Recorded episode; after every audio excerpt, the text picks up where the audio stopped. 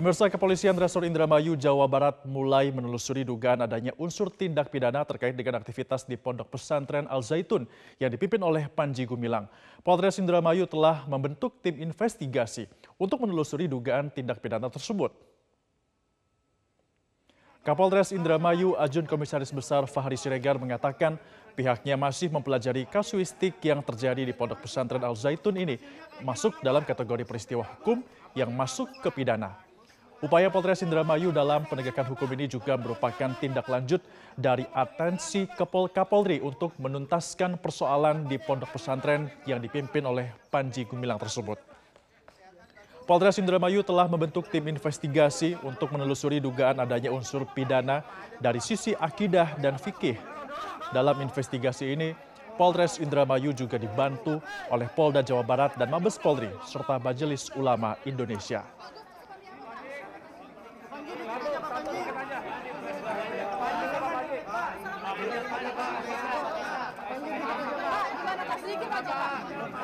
Boleh nggak Pak? Di depan itu boleh nggak? Biar lebih enak Pak, nggak dorong-dorongan jadinya Pak. menindaklanjuti apa yang menjadi atensi Pak Kapolri ya. Apakah ini masuk dari peristiwa hukum menjadi suatu unsur pidana, nanti kita akan pelajari. Tim kami sudah jalan, karena kami juga dibantu oleh Polda, dibantu oleh Mabes Polri, dan kita juga berkoordinasi dengan pihak-pihak terkait. Kami juga sudah pernah uh, rapat secara uh, komprehensif ya, melibatkan dari Kementerian Agama, melibatkan dari Kementerian Dalam Negeri dan sebagainya.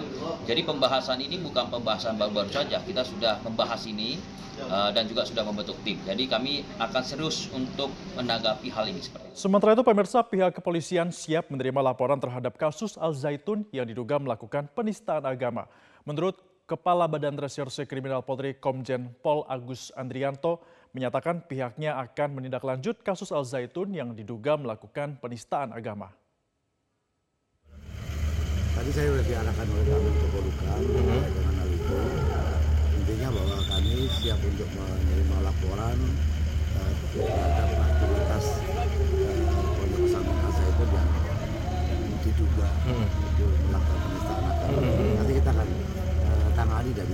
kan beberapa waktu lalu juga sudah ada laporan ya Pak yang masuk ya Pak ke Baris Krim Polri. Nah itu berarti sedang ditindaklanjuti Ya, gitu Pak. kita. Hmm. Apakah nanti akan memanggil eh, pihak dari Ponpes Al Zaitun juga berarti Pak? Ya pasti nanti kita akan rekami dengan keterangan saksi, kita akan minta keterangan ahli, kita minta keterangan dari MUI. Kemudian ya kalau memang ada unsur penistaan agama pasti kita akan. Menanggapi isu dirinya yang disebut melindungi Panji Gumilang selaku petinggi Pondok Pesantren Al Zaitun, Kepala Staf Kepresidenan RI Muldoko mengatakan jika memang ada penyimpangan ajaran agama harus ditindak keras. Ia juga mengingatkan jangan sampai hal ini menjadi percakapan publik yang ngawur. Orang ini ngawur, ya. Cuman saya belum ngomong aja. Antar kalau saya ngomong marah saya itu, karena apa yang diomong itu sangat ngawur, ya. Mana mungkin saya seorang pang, mantan panglima itu berkolaborasi kalau memang itu benar, nggak mungkin berkolaborasi dengan apa itu kelompok-kelompok yang apa dinyatakan ini dan itu. Ya, sikap saya sudah sangat tegas dan jelas. Tetapi sekali lagi ya dalam konteks Ajaitun ini saya sudah tekankan di TV Pan itu. Kalau itu ada penyimpangan di eh, ajaran agama, MUI segera bertindak itu. Kalau terjadi penyimpangan di bidang ideologi, BPIP bertindak. Tetapi kalau udah menuju kepada aksi-aksi yang lebih keras lagi, ya, apakah itu berkaitan dengan ekstremisme dan apalagi terorisme? Ada badannya yang bergerak.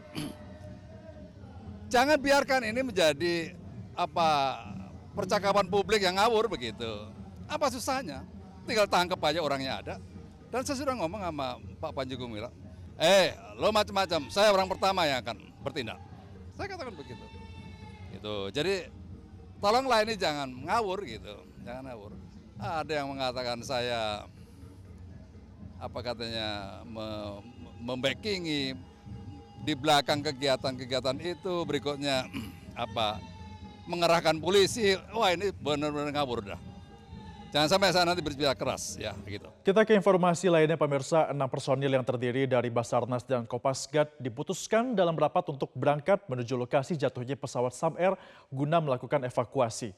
Enam orang tersebut berangkat pada hari ini, Minggu pukul 8.54 waktu Indonesia Timur. Kepala Seksi Operasi dan Siaga Kantor SAR Jayapura, Marinus Ohoirat mengatakan evakuasi kemarin dibatalkan karena cuaca sehingga di hari ketiga ini baru dimulai proses evakuasi kembali. Namun sebelum dilakukan briefing dan disepakati ada enam orang yang berangkat menuju lokasi kejadian jatuhnya pesawat Sam Air di Yalimo, Papua Pegunungan. Enam orang itu tiga di antaranya dari Basarnas dan tiga lainnya dari Kopasgat. Marinus menjelaskan cuaca hari ini cukup baik sehingga saat ini tim sudah tiba di lokasi jatuhnya pesawat Sam Air pada pukul 09.45 waktu Indonesia Timur dan enam personil berhasil turun di tempat jatuhnya pesawat dengan rappelling dari helikopter untuk melakukan evakuasi menggunakan tali melalui jalur udara. Marinus menambahkan jika cuaca terus mendukung atau baik, maka akan dilakukan evakuasi dari lokasi kejadian menuju Jayapura untuk selanjutnya dilakukan identifikasi di Rumah Sakit Bayangkara. Tetapi jika cuaca buruk, maka akan dievakuasi dari tempat kejadian menuju ke Wamena.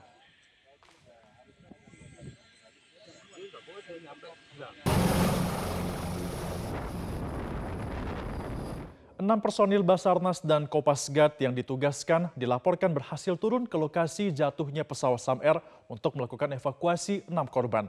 Hal tersebut dilakukan dan juga diungkapkan oleh Komandan Lanut Silas Papare, Marsuma TNI Dadan Gunawan. 08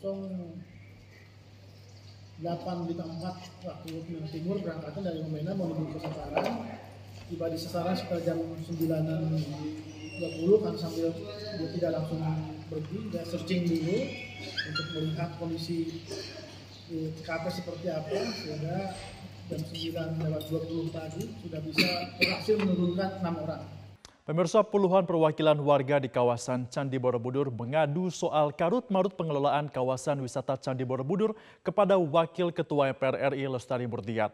Warga menilai bahwa kebijakan yang tidak tepat sasaran sudah sangat merugikan masyarakat sekitar karena berdampak pada berkurangnya jumlah pengunjung. Bertempat di Balai Perekonomian Desa Borobudur, Kabupaten Magelang, perwakilan dari berbagai elemen masyarakat tersebut mengadu kepada Lestari Murdiat serta anggota DPR RI fraksi Partai Nasdem Sugeng Superwoto dan juga Muhammad Hairul Amri. Berbagai persoalan yang dinilai merugikan masyarakat di sekitar Candi Borobudur di antaranya pembatasan jumlah, jam, dan hari berkunjung ke struktur bangunan Candi Borobudur yang berakibat jumlah wisatawan menurun. Mereka juga menagih janji Presiden Joko Widodo pada tahun 2014 lalu yang menyebut akan menandat, mendatangkan 20 juta wisatawan asing ke Indonesia, di mana 10 persen di antaranya ditunjukkan ke Candi Borobudur. Namun hingga saat ini jumlah wisatawan asing masih jauh dari target tersebut. Warga menuntut pemerintah mengkaji ulang pembatasan kunjungan 1.200 wisatawan setiap harinya yang naik ke Candi Borobudur mereka meminta jam berkunjung dikembalikan ke pukul 4 waktu Indonesia bagian Barat untuk pengunjung yang ingin melihat sunrise hingga pukul 19 waktu Indonesia bagian Barat untuk yang ingin melihat sunset. Mereka meyakini dengan banyaknya wisatawan yang datang akan mendulang perekonomian warga di sekitar Candi Borobudur. Menanggapi aduan warga, Lestari Murdiat akan menampung aspirasi tersebut untuk diperjuangkan di parlemen melalui MPR dan lintas komisi di DPR RI. Standingnya uh, uh, melengkapi tentu nanti juga mohon Mas Ito ada beberapa kawan yang pasti akan kami kontak untuk membuat semacam telaah singkat atas aspirasi yang kami terima. Dan secara formal tentu akan saya teruskan kepada para pihak. Para pihak di sini tentu pemerintah. Dalam hal ini eh, saya juga akan meneruskan kepada komisi terkait yang seharusnya komisi itu menjadi wakil dari kita semua.